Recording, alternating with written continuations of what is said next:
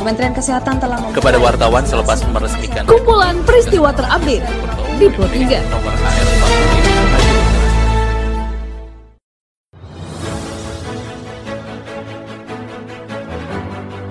Halo pendengar, saat ini Anda sedang mendengarkan kumpulan peristiwa Pro 3.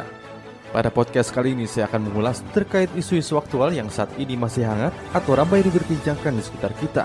Tentu saja pendengar, nanti akan saya hadirkan cuplikan informasi dari reporter kami. Bersama saya Karisma Rizky, inilah kumpulan peristiwa Pro 3 di ruang dengan podcast Anda. Pendengar, sebelum saya masuk dalam beberapa isu aktual yang akan saya hadirkan sesaat lagi, saya akan mengundang Anda untuk mampir ke laman berita kami di rri.co.id. Anda juga bisa memfollow Instagram, Twitter, dan Facebook kami di @rri_programa3. Baiklah pendengar, inilah kumpulan peristiwa Pro 3. Pendengar Presiden Joko Widodo ingin memastikan pelaksanaan vaksinasi nasional dapat berjalan dengan baik dan lancar di seluruh provinsi Indonesia.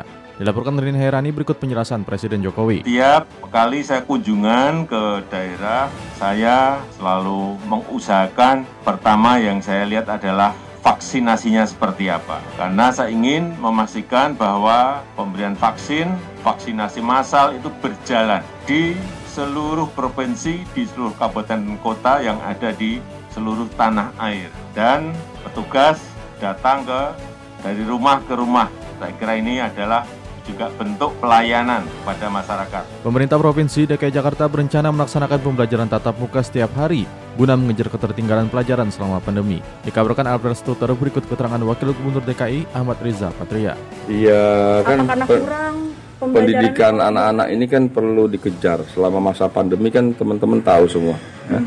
anak-anak hampir satu tahun setengah lebih sekolah di rumah secara online kan lebih berat ya. Pemahaman pengertiannya ilmunya tidak sebaik sebanyak dan tidak seberkualitas tatap langsung ya dengan para pendidik atau guru.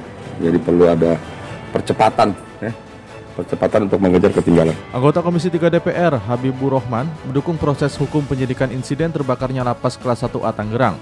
Sementara itu anggota Komisi 3 lainnya Arsul Sani menyoroti implementasi undang-undang narkotika yang belum maksimal diterapkan sehingga mengakibatkan lapas Tangerang kelebihan kapasitas. Dikabarkan Rizky Supermana berikut pernyataan Arsul Sani. Dalam persoalan overcrowding lapas itu karena pasal 127 Undang-Undang Narkotika itu tidak diterapkan secara murni dan konsekuen. Karena harusnya penyalahguna narkoba itu memang diproses hukum, tetapi ujungnya rehabilitasi. Untuk supaya bisa efektif dilakukan rehabilitasi, maka memang pemerintah juga punya kewajiban untuk membangun lebih banyak lagi pusat-pusat rehabilitasi atau rumah sakit ketergantungan obat. Sementara itu pendengar pemerintah Kabupaten Banjar Kalimantan Selatan menyediakan tes swab antigen gratis bagi peserta tes calon pegawai negeri sipil dan pegawai pemerintah dengan perjanjian kerja atau P3K.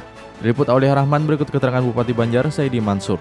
Kami juga pemerintah daerah untuk juga memberikan kelancaran untuk putra-putri daerah yang ada di eh, Kabupaten Banjar pelaksanaan CPNS juga akan kita support uh, swab antigen gratis. Uh, tunjukkan nanti mungkin disampaikan oleh panitia seleksi apakah itu dilaksanakan di BKD apakah itu dilaksanakan di puskesmas uh, di seluruh yang ada di Kabupaten Banjar. Mudah-mudahan uh, ini juga mampu juga membantu mudah-mudahan sukses dan juga lancar hasil apa Amin uh, melaksanakan tesnya yang ada di Kabupaten Banjar. Pendengar, informasi tadi sekaligus mengakhiri perjumpaan kita pada podcast edisi hari ini. Anda juga bisa mendengarkan podcast edisi hari ini di Spotify dengan hanya mengetik Pro 3 RRI di kolom pencarian Anda. Dan pendengar tetaplah menjaga jarak dan ikuti selalu protokol kesehatan. Saya Karisma Rizky, sampai jumpa. Kementerian Kesehatan telah kepada wartawan selepas meresmikan kumpulan peristiwa terupdate di Pro 3.